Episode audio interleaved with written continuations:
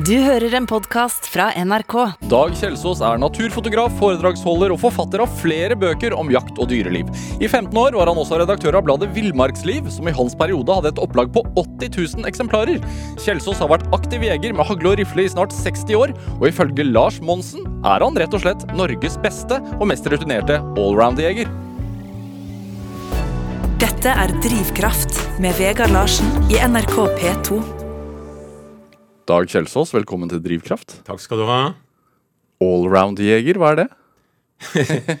Eh, ja, da jakter man vel både med rifle og hagle, i hvert fall.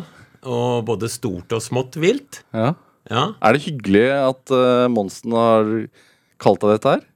ja, altså glem det. Det fins utrolig mange flinke jegere i Norge. Ja. Dyktige. Og du er en av dem. Ja, det kan vi kanskje si. Ja. Jeg har iallfall lang erfaring. Ja, er det, er det en god ting å ha når man driver med jakt? Ja. Det, og så har jeg et eh, bra grunnlag eh, fordi jeg var interessert i dyr og fugler fra jeg var veldig liten. Fordi kjennskap til viltet, da, det, det betyr veldig mye for om du skal lykkes som jeger. Ja, Det vil vi komme tilbake til eh, i denne praten her. Det veit jeg. Du, eh, vi er slutten av august nå. Eh, og det betyr at høstjakta den er i gang, ikke sant? Ja. Når starter den? Ja, det er forskjellig for uh, forskjellige arter. Uh, Duejakta og reinsjakta starta for bare noen dager siden.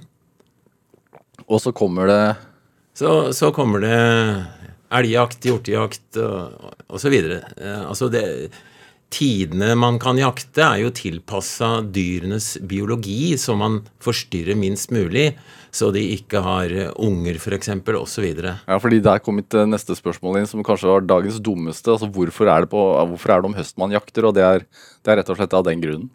Ja, det er jo fordi hvis du tenker deg eh, rådyrgeita får unger tidlig på sommeren, ikke sant? Og de er fortsatt litt for små til at de er lov å skyte, eller som det, at det er forsvarlig eller, eller bra, eller hva du vil. Eh, så den jakta begynner seinere, men råbukken er det lov å jakte nå. Så, eh, så det er veldig godt tilpassa biologien til eh, dyra, da. Er det sånn at, altså Når merker du at det begynner å krible? Nei, det kribler hele året.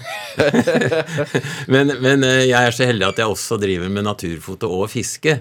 Så eh, det er liksom ikke noe dødtid. Nei. Hva, er, for fiskingen, det er da våren? Fisking er hele året. Ja, sant?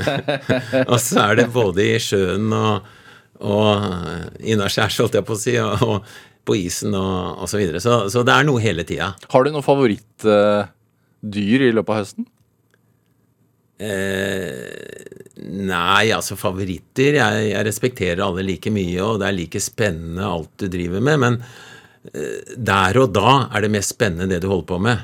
Enten du ligger og sniker deg inn på en reinflokk, eller du lokker på en elgokse, som jeg syns kanskje er noe av det mest fascinerende. Eh, Alt sammen er spennende. Om du sitter på harepost, ikke sant. Det er eh, Kommer haren og hvor og sånn. Det, det er alltid spenning. Da vi, da vi ringte deg sist uke og spurte om du hadde lyst til å komme hit, så, så sa du at altså, vi var heldige som fikk tak i deg fordi, i dag, da, fordi at du hadde tapt en loddtrekning om elgjakta.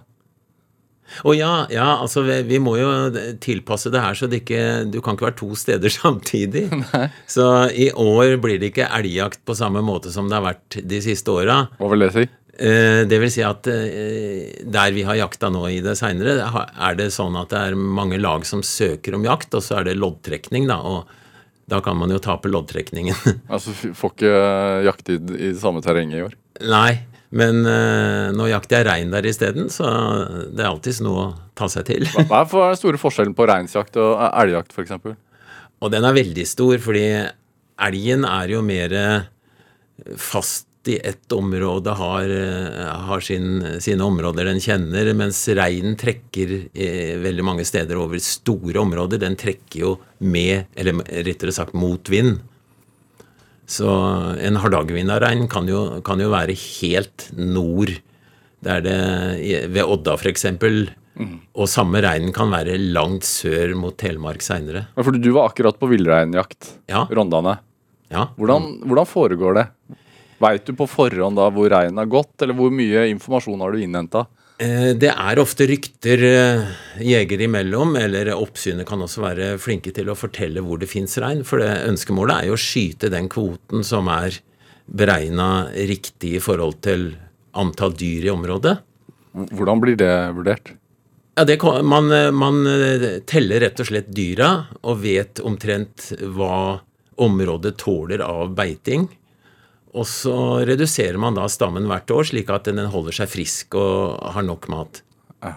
Så det bidrar egentlig til å opprettholde stammen år etter år?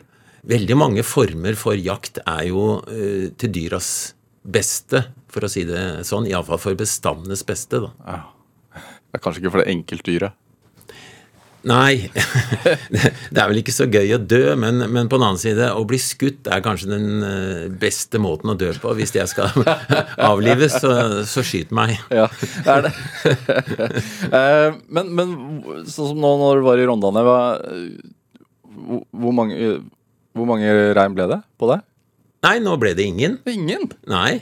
I all Altså, verden. det, du skyter jo ikke vilt. Jeg, får- jeg har hentet inn feil mann, skjønner jeg. Nei, hvis du, hvis du klarer å finne en jeger som alltid kommer hjem med noe i sekken, da er du eh, veldig dyktig. det tror jeg ikke fins. Men hva, hva, hvordan var turen da, da? Kjempefint.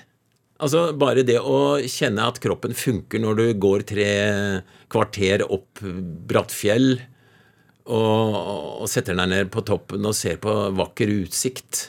Litt tidlig for høstvarvene der nå, men, eh, men det kommer jo seinere, og det jo, bare det er jo verdt hele turen. Og så da frisk fjellvind og, og, og gå og være Kjenne hvordan du blir mer og mer våken. Sansene kommer eh, liksom Sigende og blir mer og mer eh, De blir bedre og bedre jo lenger du går, på en måte. Fordi du, du, du kom, De fleste av oss kommer jo fra et hus, et hjem, en by osv. Og, så og sansene våre er jo rimelig sløve.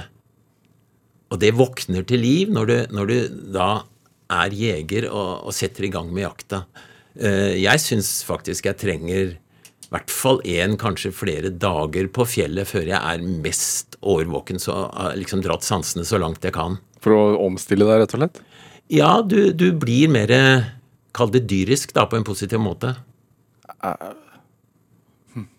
Er det Så du får sjelden noe første dagen? Jo, det kan du få. Ja. Og vi var jo kjempenær på den uh, reinsjaktturen nå. Vi hadde ikke gått mer enn eh, Ja, vi hadde gått en halv time. Så fikk vi se en flokk, men den hadde, hadde dårlig tid, så vi hadde ikke sjans til å komme innpå der. Men vi gjorde en omgående bevegelse, og da får jeg plutselig se noen sånne litt ikke helt steinlike flekker i fjellet, og kikker og ser at der er det 15 rein som delvis står og delvis ligger.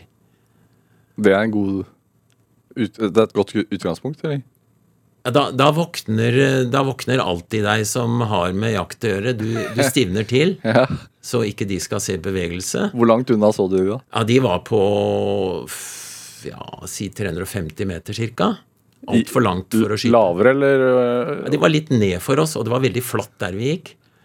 Så vi var to stykker. Eh, Så, så det jeg gikk foran, så jeg bare tok armene forsiktig rett ut, eh, som foran bak meg betyr 'her skjer det noe', stopp. Så gikk vi ned i knestående, kikka litt med kikkert, så på dyra. Det var riktig type dyr, for eh, reinskortene de bestemmer jo om du kan skyte kalv, dyr under 50 kilo, eller frittdyr, som innebærer at du også kan skyte storbukk. Eh, Dette var eh, simler og kalver. Og vi hadde et kort på kalv og ett på simle, så det var helt fint. Hvordan, øh, hva skjer med pulsen din da? Blir den Går den opp eller ned? Nei, jeg, jeg kan ikke si at jeg får noe økt puls, men jeg blir mye mer årvåken. Altså, da våkner alt som fins av eh, jaktgener oppi toppen der. Så, så og vi, vi, vi, vi viska sammen da hvordan, hvordan kommer vi inn på denne flokken, og det var en nesten håpløs oppgave, fordi det var veldig flatt og steinrøys hele veien. Men vi så på terrenget at det var litt eh, lavere ned for oss. Til venstre så gikk vi forsiktig eh, noen ganger eh, i bøyd stilling. Noen ganger krabba vi, og til slutt så åla vi da over disse steinene. Og, flytter liksom børsa 20 cm og drar seg fram og sånn, sånn du lærte i militæret. Og så kom vi fram til en stein som var litt eh, markert, som det gikk an å ligge så vidt bak uten å bli sett. Og de dyra hadde bestemt seg for å være på det stedet, så eh, kort fortalt, vi lå på de her spisse steinene i tre og en halv time. så Og ventet. ja, Ja. og kikka da jevnlig for å se hva som skjedde med dyra. Og til slutt så reiste alle seg, og så begynte de Altså, De har ei simle vanligvis som er leder i flokken, og hun snusa litt rundt og kikka litt, og, og så skjente de plutselig ned til høyre, ut av hånd for oss. Så det, det var det. Hvordan er det?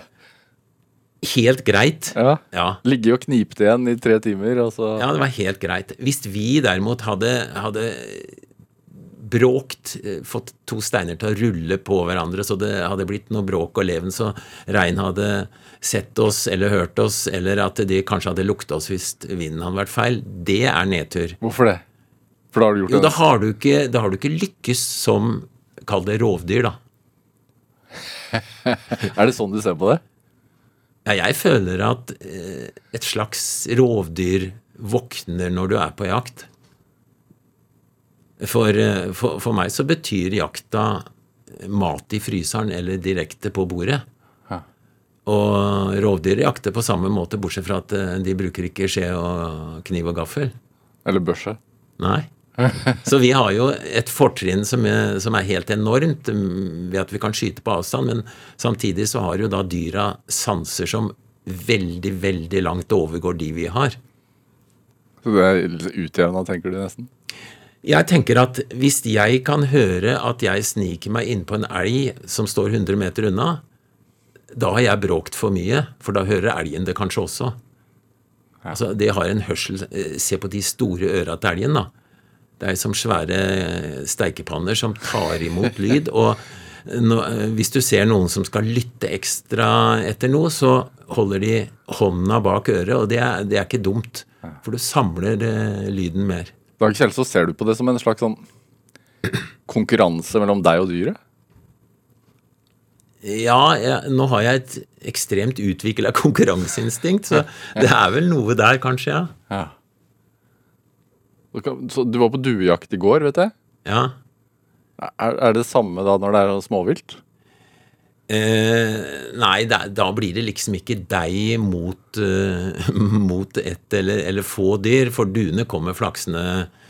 Og har du gjort alt riktig, så slår de seg ned der du eh, tenker, og hvis ikke, så gjør de det ikke, og noen ganger vet du ikke hvorfor. Så det, det er ikke helt det samme, nei. nei men er det sånn, altså Du bor ute i Sørkedalen ute i Oslo. Ja. Og hvor jakta du duer?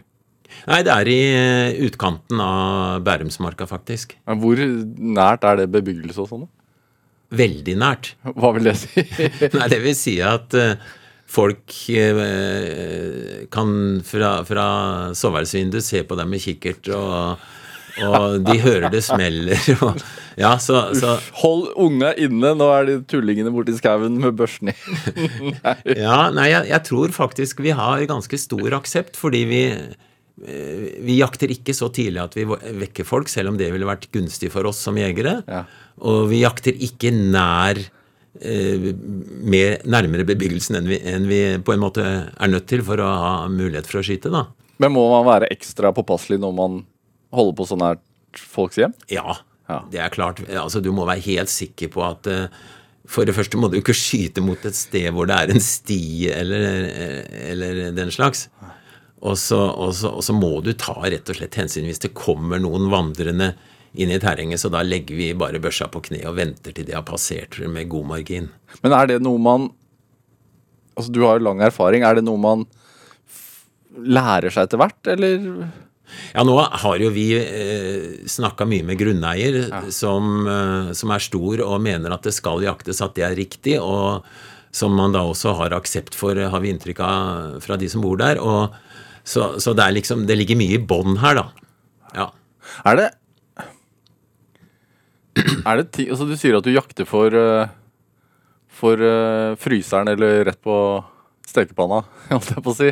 Er det uh, spiselige dyr du ikke jakter?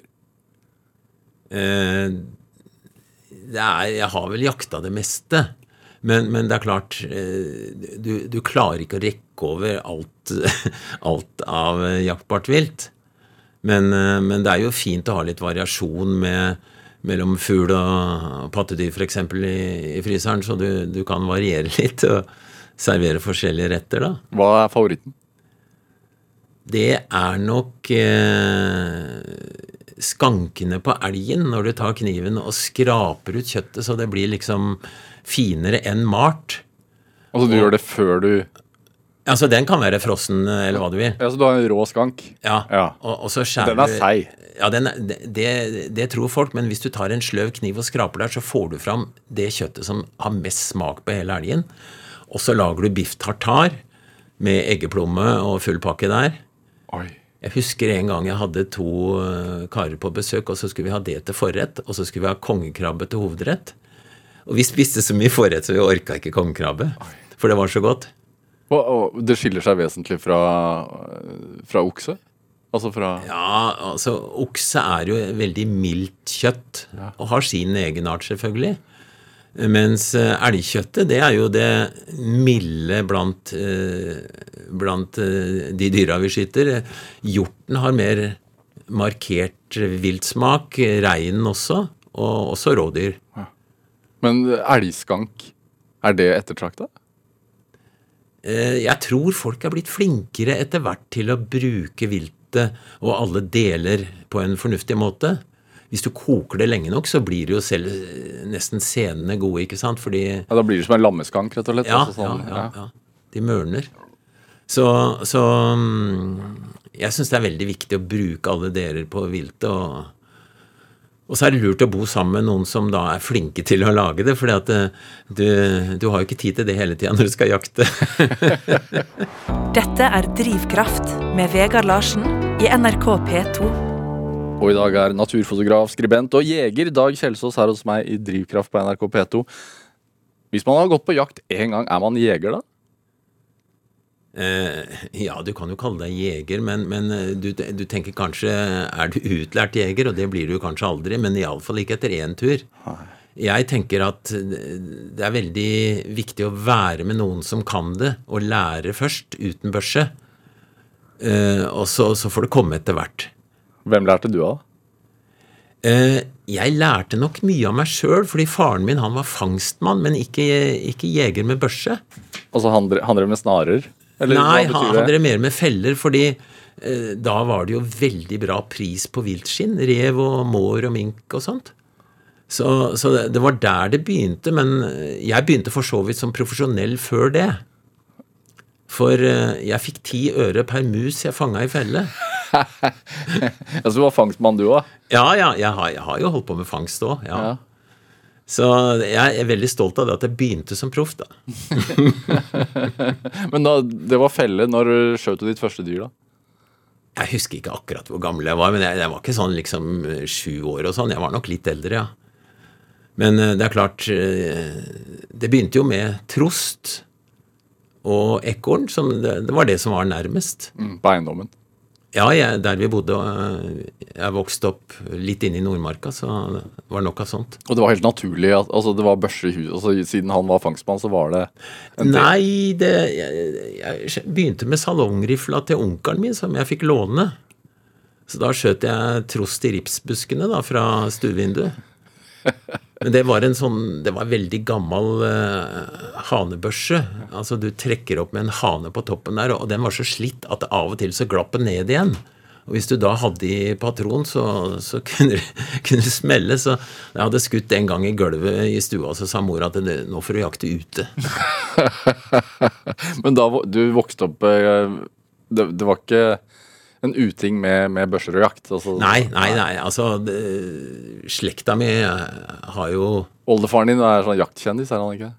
Han skjøt den siste bjørnen i Nordmarka og var vel kjent som en storjeger. I dag så, så bør du vel ikke si høyt at jeg har skutt en bjørn omtrent, men, men, eh, den gangen så hadde jo en helt annen innstilling. De hadde jo sauer og kuer og, og kjempa mot rovdyra, så han ble jo helt på grunn av det. Ja. Og broren hans var ansatt som jeger på Bogstadgodset, så, så, jeg har nok litt gener der. Er det Hvor, hvor, hvor latent i oss altså, ligger det i, i oss som, som, art å drive med jakt? Ja, det har jeg fundert en del på. Eh, Jeg tror det er forskjell på oss, altså. Noen har det, og noen har det ikke. Men det ligger nok et sted der inne hos de aller fleste. Men spørsmålet er om de lar det, eller vil at det skal slippe ut, da. Ja.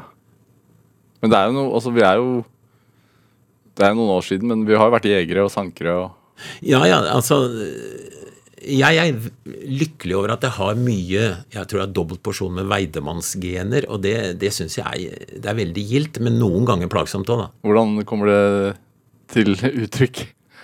Nei, det kommer jo til uttrykk eh, på den måten at du eh, Når du er ute og jakter, så er det deg og viltet og klokka eller mobilen eller avtaler eller alt sånt noe betyr ingenting. Nei.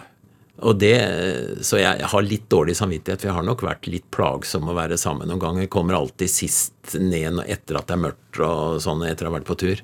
Har det skjedd at du bare har blitt ute flere dager? Nei, ikke, ikke Jo, kanskje på de tidlige reinsjaktene på Hardangervidda hvor du gikk fem timer inn og ikke syntes det var ålreit å gå opp og ned til hytta imellom og sånn, det, det er klart, men ikke sånn voldsomt. Men jo, nå kom jeg på at eh, på fisketur var det sånn, fordi eh, hvis du veit at, eh, at fisken er der og kanskje biter, så gir du deg jo ikke. Og mora mi gråt jo mange ganger da jeg kom tilbake fra fisketur, for jeg hadde jo sagt jeg skulle komme på kvelden, og så kom jeg midt på natta. Så jeg måtte begynne å si at eh, jeg kommer igjen i dag eller i morgen. Og det er fra tidlig, ja. Altså for, for deg også sånn fra du var ung, da? Man, Ja, da var jeg bare en guttunge, ikke sant? Er det, altså, jeg, har, jeg har lest at uh, noen når de våkner om morgenen, er virkelig, altså, vil virkelig ikke ha frokost. Uh, og, og det har jeg lest er fordi at det er nedarva uh, fra Altså det ligger i oss som mennesker fordi at vi som jegere og, sankere ikke hadde tilgang til mat på morgenen, så at vi er konstruert sånn at vi skal ikke være sultne på morgenen fordi at du vet ikke når neste måltid er. Du skal ha eh, nok eh, kraft i kroppen til å gå og finne det du skal spise. Ja, nei, jeg, Hvis jeg står opp klokka fem for å jakte, så spiser jeg ikke. Da, da spiser jeg klokka ni. Men om det kommer av det du nå nevner, det vet jeg ikke. Nei. Men er tror du vi har mistet noe altså, Det er vel sånn én av ti av oss i Norge som er, står i sånn eh, eh, jakt eh, altså, Vi er registrert som jegere. Ja. Jegerregisteret er én av ti. Men det er ikke så mange som går på jakt. Nei da, det er veldig mange som tar jegerprøven for å, å få innsikt. Ja. Og jeg syns det er kjempefint.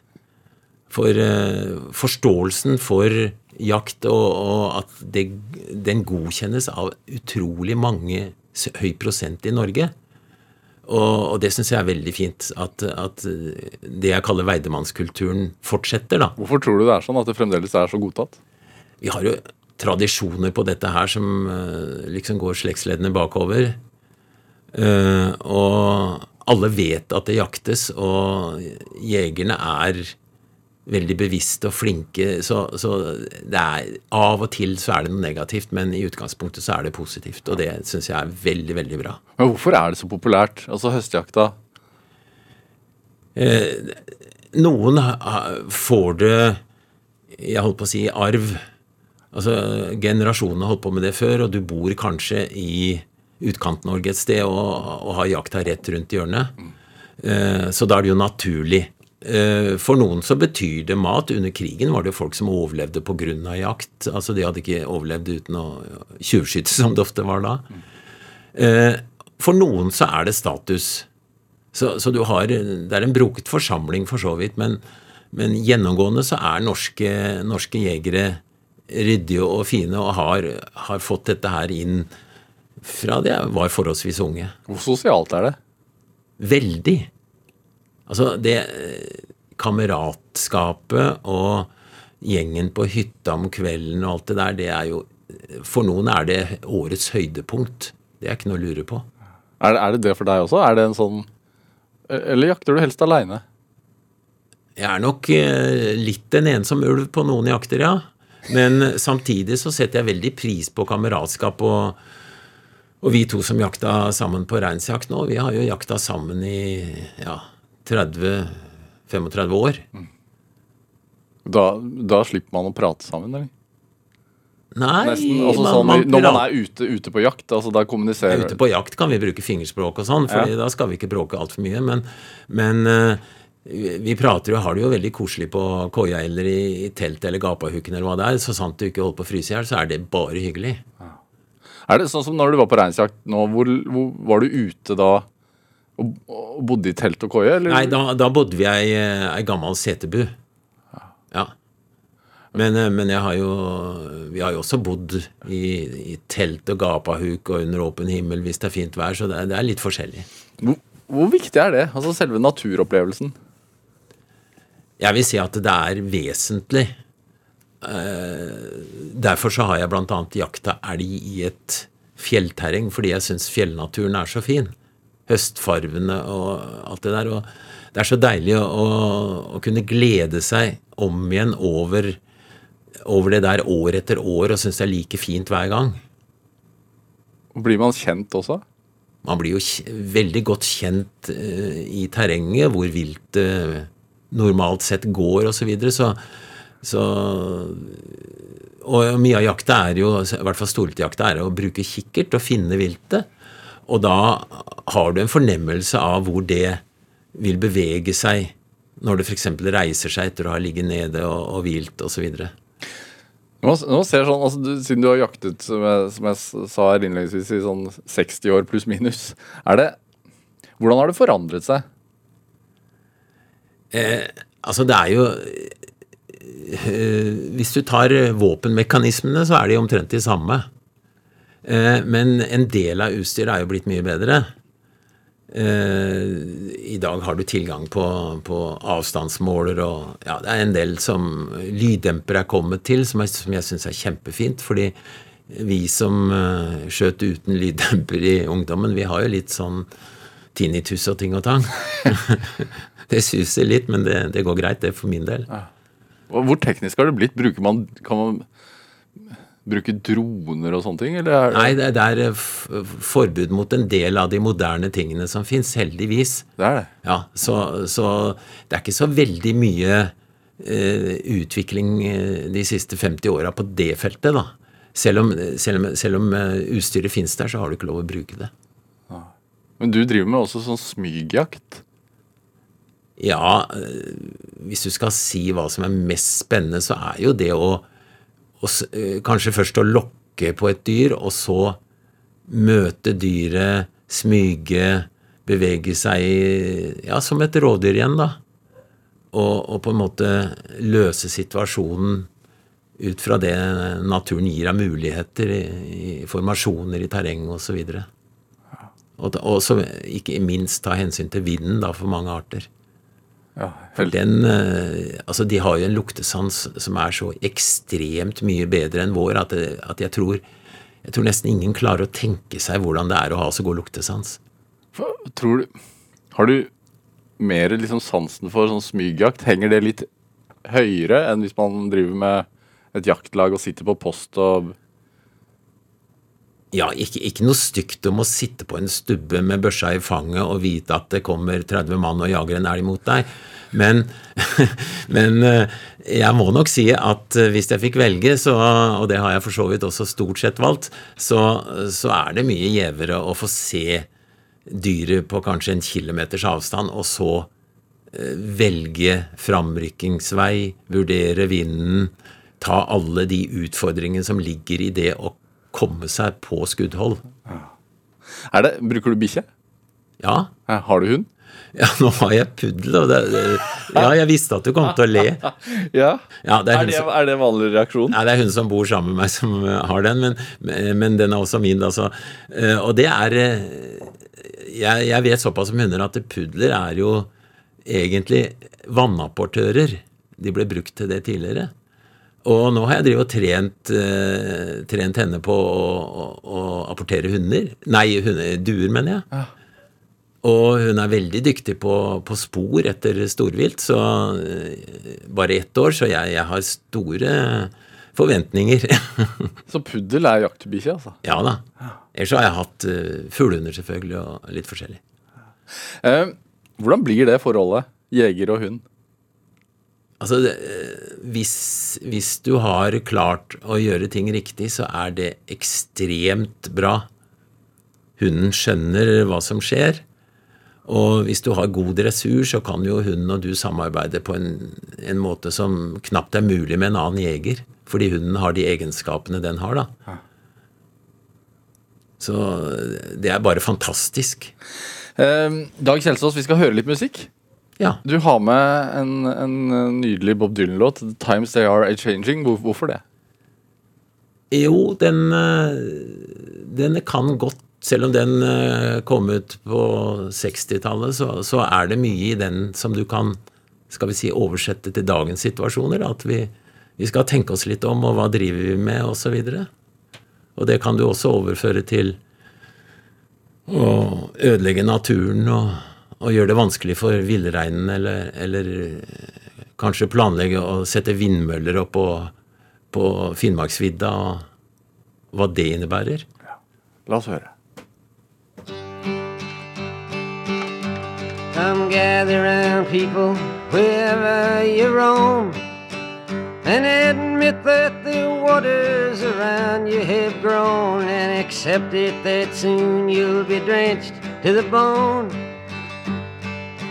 If your time to you is worth saving, then you better start swimming or you'll sink like a stone, or the times they are a changing.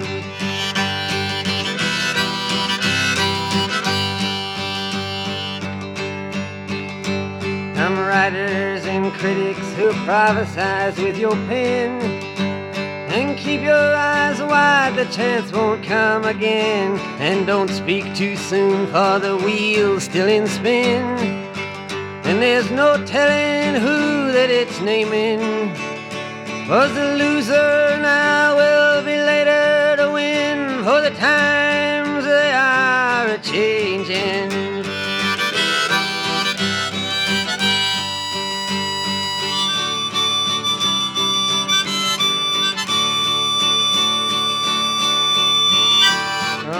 Senators, congressmen, please heed the call. Don't stand in the doorway, don't block up the hall. For he that gets hurt will be he who has stalled. The battle outside raging will soon shake your windows and rattle your walls. For the times they are a changing.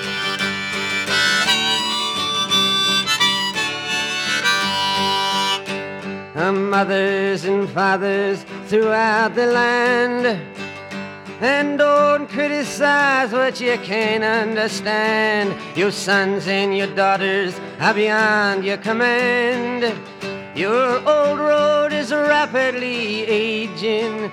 Please get out of the new one if you can't lend your hand. For the times they are a changing. Ja, Du fikk eh, Bob Dylan med 'The Times They Are A-Changing' her i Drivkraft på NRK P2. Valgt av dagens gjest her i Drivkraft, nemlig naturfotograf, forfatter og, ikke minst jeger Dag Kjelsås. Eh, altså, du nevner eh, at naturen kan være i forandring. Hvordan, hvordan merker du det? Eh, jo, du merker jo det på, på mange måter, selvfølgelig. Det, hyttebygging er noe av det vi ser veldig lett. Ikke alltid plassert på en måte som ta, ivaretar trekkveier for villrein, f.eks. Er det noen regler der? Eh, nei, det står vel ikke noe i Grunnloven der, tror jeg. men, eh, men det er jo da mye opp til eh, lokal... Burde du gjøre det? Jeg tror ikke gutta på Eidsvoll tenkte så mye på akkurat det, men, men det er jo mye opp til lokale myndigheter, da. Å, velge gode løsninger.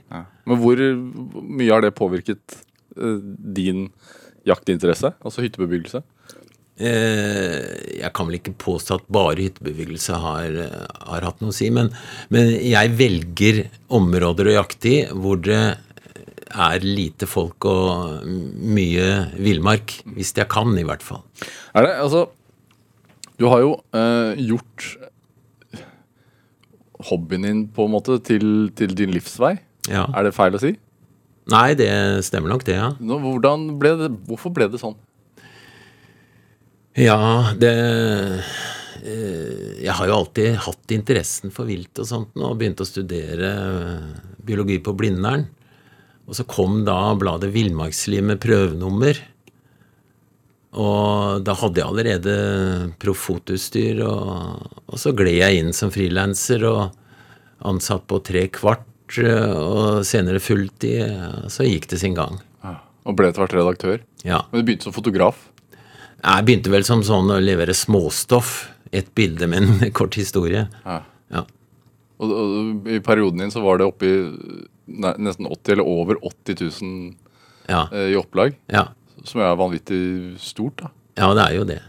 Og så begynte vi jo da også med bladet Alt om fiske og bladet Jakt, som fortsatt eksisterer. Ja, Så har du skrevet fem, fem i hvert fall fem bøker om, om jakt. Kanskje flere. Ja, noe, noe et eller annet rundt der. Ja. Ja. Er det Var det noe alternativ for det?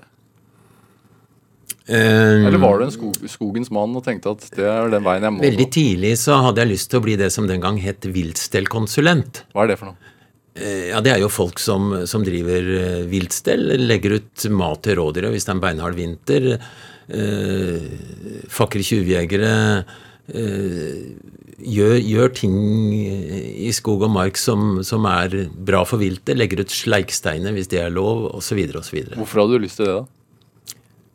Jo, det, altså det, det ligger i, i bånn av meg, så ligger interessen for å farte ute. Og når du da ble dratt ut i marka som knøttliten, så, så, så ble det bare sånn. Og hva, hva, men er det sånn at du merket tidlig at du måtte ut? Ja, det, det, det var jo ikke Det var jo ikke sånn eh, masse blokker og lekekamerater overalt. Noen, noen var der, men, men min trang til å gå ut i naturen og studere fuglelivet på min måte, og etter hvert da skyte det som var jaktbart, det, det, bare, det bare Jeg tror det ligger i genene, rett og slett. Ja, men Var det i Sørkedalen du vokste opp også? Ja. Ja, man tenker jo, altså Sørkedalen det er jo en del av Oslo. Ja, men uh, faren min uh, er oppvokst i Sørkedalen. Han sa 'je er itte'. Så det, det minner ikke mye om, eh, om det du finner midt i Oslo. Vi- var veldig påvirka av, av de som, som kom over skauen fra andre sida, fra Ringerike osv. Og, Ja. og, og, og bondebygd. Hvordan er det i dag, da? Ja, det er, det er fortsatt Heldigvis så er det fortsatt liksom bygda i byen, da. Men med veldig bygdepreg, og, og det håper jeg fortsetter. fordi det betyr mye, ikke minst for alle fra Oslo som søker ut i naturen og søker da både stillheten og, og bringebæra de skal plukke, eller hva det nå er. Er det Hvor stor er kjærligheten din til det dyret? Altså, hvis du drømte om å bli Hva var det du kalte det? Viltstellkonsulent, ja. Ja. Det heter ikke det i dag, men ja. Det, det tyder jo på en, en sånn stor respekt og kjærlighet for dyrene. Da. Sånn, nå er det en tøff vinter, da må vi ut og legge ut Ja, ja, jeg har alltid hatt øh, Skal vi si Du bruker ordet kjærlighet til dyra, og du kan godt kalle det det. Eh, Samt, øh, altså det, Jeg ser ikke noen sånn enorm motsetning i da å hente mat fra de samme dyra, hvis du gjør det på en ordentlig måte. Men det betyr veldig mye at du er øh, jaktetisk øh, god, at du, at du avliver humant og ikke skyter hvis forholdene sier at det, det her er for dårlig, det er for lang avstand, eller dyret er i bevegelse, eller hva det nå er. Så jeg, jeg ser ikke noen motsetning i det. Er det Når var det du begynte å ta bilder, da? Ja, det eh, Broren min og jeg vi var farta mye rundt i marka, visste om alle Nei, alle, det er å overdrives mye, men mange Nesten alle. Nei, ikke det engang. Men mange reir og lokaliteter osv. Og, så og så, så var det noen naturfotografer som hadde hørt det, så de kom og lurte på om vi kunne vise dem liksom hvor det var ting å ta bilde av. Så tenkte jeg hvorfor skal jeg vise det til andre når jeg egentlig burde gjøre det sjøl? Så da, da kjøpte jeg utstyr. Hva er forskjellen på det å, å, å bedrive sånn som vi har snakket om, snikjakt og det å ta gode bilder? Nei, det er veldig, veldig nært hverandre. For eh, innimellom så må du jo snike deg fram for å ta gode bilder. Men både på, når det gjelder foto og jakt, så er det jo også en god løsning å vente på viltet, fuglen eller hva det nå er.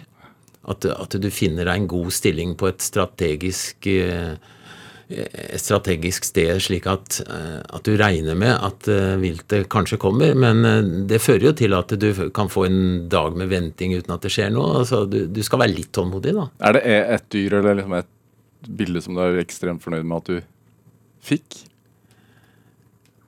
Eh, Jeg syns faktisk at det jeg er mest fornøyd med, det er den kontakten av de bildene jeg har fått av vill bjørn.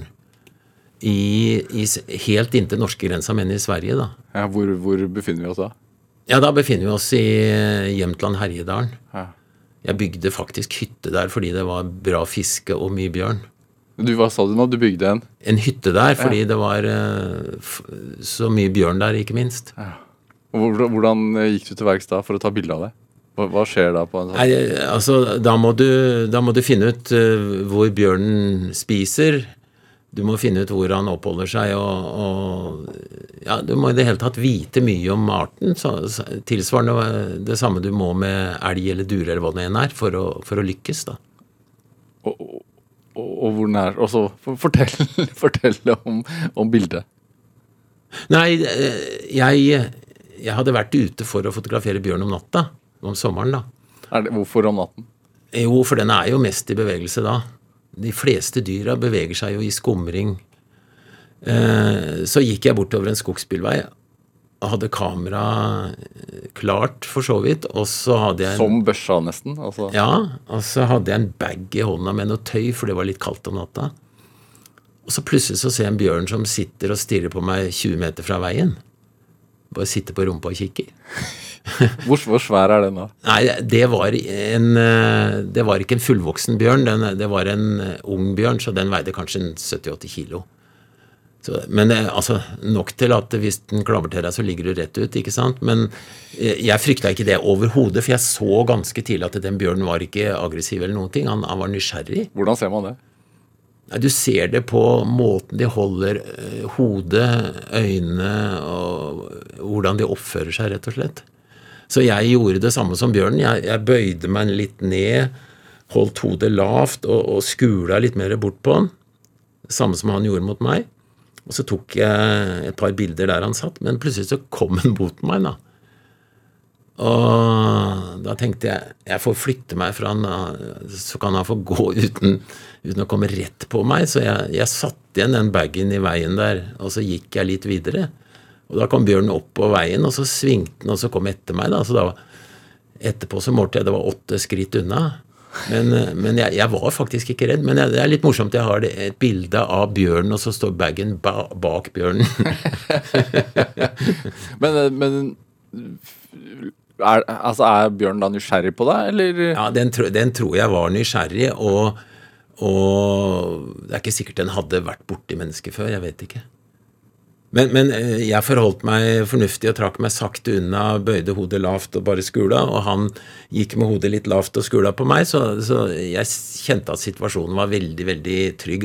Og, og så må jeg også ha sagt det at det er, det er, det er så unntaksvis at en bjørn angriper at det er ikke verdt å tenke på det engang. Hvis du, hvis du skyter på den eller har ei bikkje som tirrer den opp, ja, da kan den bli sint, men normalt sett så, så er ikke bjørnen ute etter deg. Det er motsatt. Han, han prøver å stikke unna, men denne var altså nysgjerrig, da. Har du skutt bjørn? Nei, jeg har, jeg har hatt muligheten, men jeg, jeg har ikke følt for å skyte bjørn, altså. Hvorfor det? Jeg føler at han er litt Kanskje litt over de andre dyra.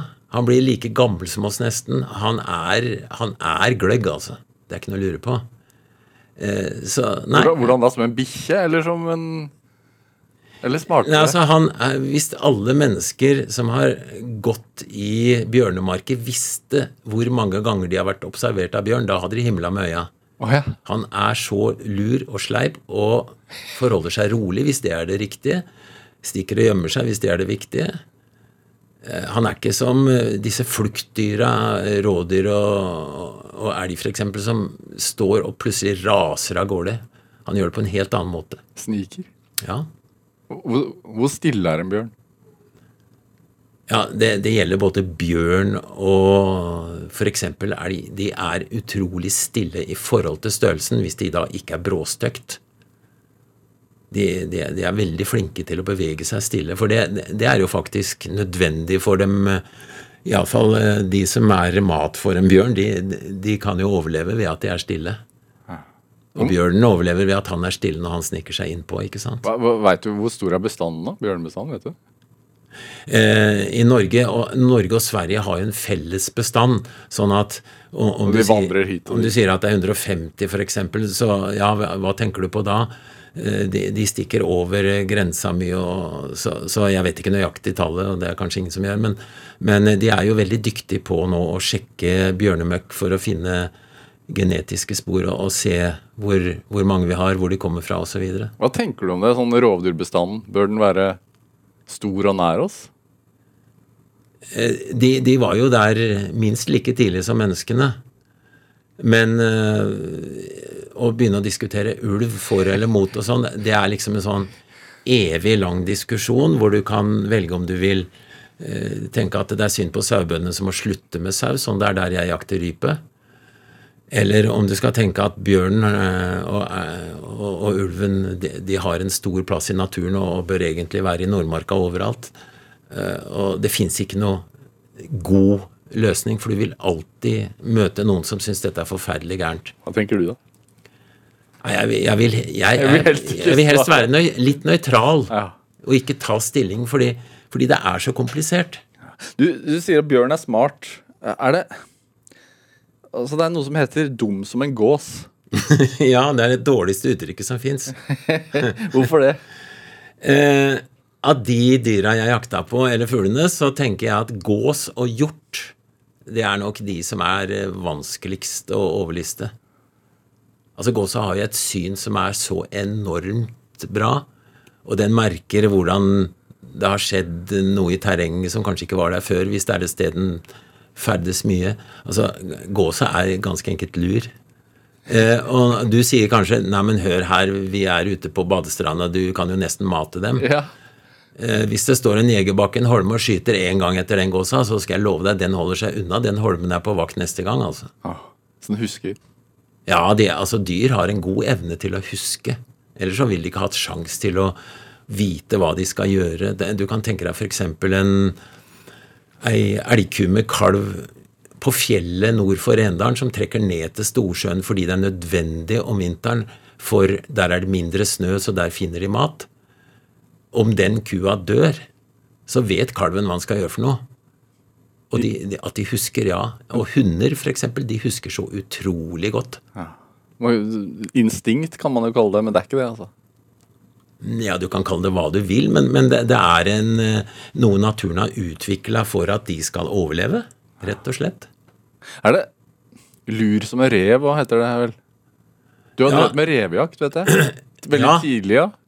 Jeg begynte veldig tidlig med det, og, men det var jo veldig Det var um, eh, åtejakt, da, hvor du legger ut eh, råttent kjøtt eller, eller innvoller eller hva det er, for å, for å lokke reven som da ofte kommer om natta og spiser på det. Og, og Du drev med det sammen med faren din. Ja, men jeg gikk på skolen, vet du, så jeg kunne ikke sitte oppe hver natt. Men faren min hadde muligheten, så han, han satt og, og, og kikka ut av vinduet til reven kom, og så hadde vi ei sene som var bindet fast i stortåa mi, så når reven kom, så dro han i sena, og da våkna jo jeg. Og så var det opp med, med det lille vinduet som gikk knirkefritt, og skyte reven, da. Er det Hva føler du egentlig når du tar, tar et dyreliv? Jeg føler ikke noe, eh, noe annet enn at jeg tenker på nå skal jeg gjøre det riktig. Men jeg, men jeg, jeg tenker ikke 'stakkars rev som snart skal dø', liksom. Det, nei. Uh, og, og dessuten uh, jeg tenker, Den gangen tenkte jeg på at ok, det skinnet der får vi kanskje 400 kroner for, og det var ganske mye på 60-tallet. altså. Eh, og når det gjelder en elg, så tenker jeg ja, den er, den er, det er en fin elg og, og kommer til å gi mange gode middager framover. Men den skal avlives humant og ordentlig. Er det drev med altså, Faren din drev med pels. Altså sånn dyrepels. Ja, det, det var jo så gode priser på skinn at Eh, Ble han tvunget til å gi seg med det, eller var det Nei, Han var jo oppsynsmann, oppsynsmann for, eh, for vannveiene i Nordmarka, så han farta jo innover der, så det var naturlig at han hadde, hadde feller, da. Ja. Så, så, og fiska til en middag hver gang han var innover, ikke sant. Så det, det ble fisking og felefangst som ble hans greie, da. Hva tenker du om sånn pelsmotstand og sånn? Ja, jeg forstår godt at, at, at eh, når folk ser TV-bilder av rev hvor noen har gnagd på halen og sånn, at det, det vekker jo reaksjon. Det, det sier seg sjøl. Jeg tenker at alt dyrehold skal skje sånn at dyra har det bra. Og det Enten det gjelder rev eller, eller sau, eller hva det enn gjelder. Dette er Drivkraft med Vegard Larsen i NRK P2. Og i dag er naturfotograf og jeger Dag Kjelsås her hos meg i Drivkraft på NRK P2. Eh, Har interessen for villmarksliv og, og jakt og sånn økt de siste årene, eller har det avtatt? Det har holdt seg ganske stabilt, og jeg sender en stor takk til Lars Monsen. Ja, som, du, som jeg nevnte innledningsvis her, han har, han har kalt deg Norges eh, beste allround-jeger. Altså, hvordan kjenner dere hverandre? Eh, Lars studerte til lærer og bodde i skauen store deler av tida. Og, det var, og jeg visste ikke om eh, at det var Lars, men jeg, jeg så et sted i de skauene jeg farta i, i, innerst i Sørkedalen, at her er det noen som har vært mye. Og eh, jeg tenkte er det tjuvjegere, eller hva som skjer her? Men jeg fant aldri ut av det. Men eh, så, så ble jeg jo redaktør i, i Villmarksliv, og Lars kom og sa vi er et par karer som skal gå Norge på langs. Så vi, vi har dårlig råd og sånn. Er dere interessert i å sponse oss, sånn at eh, så kan vi skrive litt i tillegg? Var det vanlige forespørsler å få, eller? Nei, dette fikk jeg rett etter at jeg var blitt redaktør. Aha. Og så så jeg inn i øya på den karen som satt der, så tenkte jeg du har noe jeg sjelden ser hos folk. Hva var det? Eh, kall det ulven i Lars, da. Eller, eller altså urinstinkt og en blanding av det litt urmenneske og alt det der. Og det Jeg fornemma veldig at han der, han kommer til å klare det, for han er jo helt rå. Så jeg sa det er greit. Jeg satser For første gang så bruker jeg av redaksjonens penger og forhåndsbetaler for tur og greier. Eh, Det er én betingelse, og det er at du skal ta bilder når det ser som verst ut. De var jo to stykker, og hvis kompisen din henger etter lillefingeren og roper om hjelp, så tar du et bilde først og redder den etterpå. det var vel ikke helt så alvorlig ment, men, men eh, Lars skjønte jo hintet, da. Men det var greit, det. Ja, men Ja. Er det noe Kjente du deg litt igjen? Altså i deg selv? Ser du det samme i dine egne øyne? Ja, det er klart. Når du har holdt på med dette livet, så og møter noen som du, som du føler virkelig har det inne, så du merker det, altså. For det er jo noen som kan prate stort om at de har skutt eh, f- 100 elger, f.eks., og i virkeligheten så skjønner du at de er jo ikke jegere, men de har, de har hatt mye penger eller sitter på en post som har vært god, eller et eller annet. Så eh, du- du merker etter hvert hva som eh, bor i folk, eh, eller jegere, da. Ja. Så, så, sånn, altså, Lars Monsen har jo laget eh, masse eh, naturprogram og, og, og, har antakeligvis bidratt sterkt for eh, interessen for jakt og fiske i landet. Ja, det var jo det vi eh, skulle komme til, nemlig at Lars har jo påvirka en hel generasjon ungdom til å like natur, til å lage bål, ligge ute, ha glede over naturen. Og det er utrolig, utrolig bra. Og nå er det blitt så mange, både influensere og andre, som holder på med dette her, så, så det drar seg videre, og det syns jeg er utrolig fint å se. Hvorfor er det berikende for, for et, et liv, tenker du? Jeg tenker at jo, jo fjernere menneskene kommer fra naturen, jo verre er det. Altså, jo, eh, du, du, mister jo forholdet til naturen, til å ta vare på natur, til å ha respekt for natur og dyr og alt som er der. Du kommer fjernere og fjernere bort fra det. Eh, hvis du da ikke har en sånn grunnleggende interesse, arv eller påvirkning som drar i riktig retning, da, etter mitt syn. Så, så sa jeg innledningsvis eller Vi snakket om at én av ti er, er, i jegerregisteret. Jeg, er, har selv tatt uh, jegerprøven, har aldri vært på jakt. Hva, hvor, hvor begynner man første gang? Eh, Det kommer an på. Eh, altså hvis du, er, hvis du vokser opp på en gård ute på bygda, så blir du kanskje med bestefar eller far. Blir med i jaktlaget. Du ser at de kommer tilbake med et dyr, at de slakter. Du går og kikker, eh, lærer. Hvis du bor som meg, da, voksen mann og bor i byen. Ja, da har du, da har du den innfallsvinkelen som, eh, som Da tenker jeg du bør prøve å finne noen som kan ha deg med på jakt. Bli med på eh, bli med et jaktlag eh, eller en enslig jeger eller hva som helst. Og bli med og bare observere og lære og høre og, og finne ut er dette noe for meg. Og så bør du skyte, ikke minst. Trene. Bli god På skytebane. Ja, ja. ikke i ja. skauen. Nei, altså du begynner jo ikke å trene på vilt, du begynner å trene på blink eller leirduer, og så lærer du deg det som, sånn at du blir en habil skytter. Og så setter du da alt dette sammen til slutt, og velger en jaktform som er ikke altfor vanskelig, eller hvor det er gode sjanser for at du kan lykkes. Og, og så er du jeger eh, i, på barnehavestadiet der. Dag Kjelsås, hva tenker du er din drivkraft? Ja, det er en blanding av, av disse veidemannsgenene og at, at jeg har vokst opp i et miljø hvor jakt var naturlig. Tusen takk for at du kom hit i dag. Veldig hyggelig. Takk skal du ha. Hør flere samtaler i Drivkraft på NRK på nett eller i NRK-appen, eller last oss ned som podkast. Produsent og researcher i dag, det var Kjartan Aarsand. Eh, Nå får du straks siste nytt fra NRK Nyheter her i P2. Eh, Du kan også sende oss ris og ros eh, og tips til mennesker som du mener har drivkraft. Send den e-posten til drivkraft.krøllalfa.nrk.no. Vi hører veldig gjerne fra deg. Eh, Jeg heter Vegard Larsen. Vi høres igjen i morgen. Du har hørt en podkast fra NRK. De nyeste episodene og alle radiokanalene hører du i appen NRK Radio.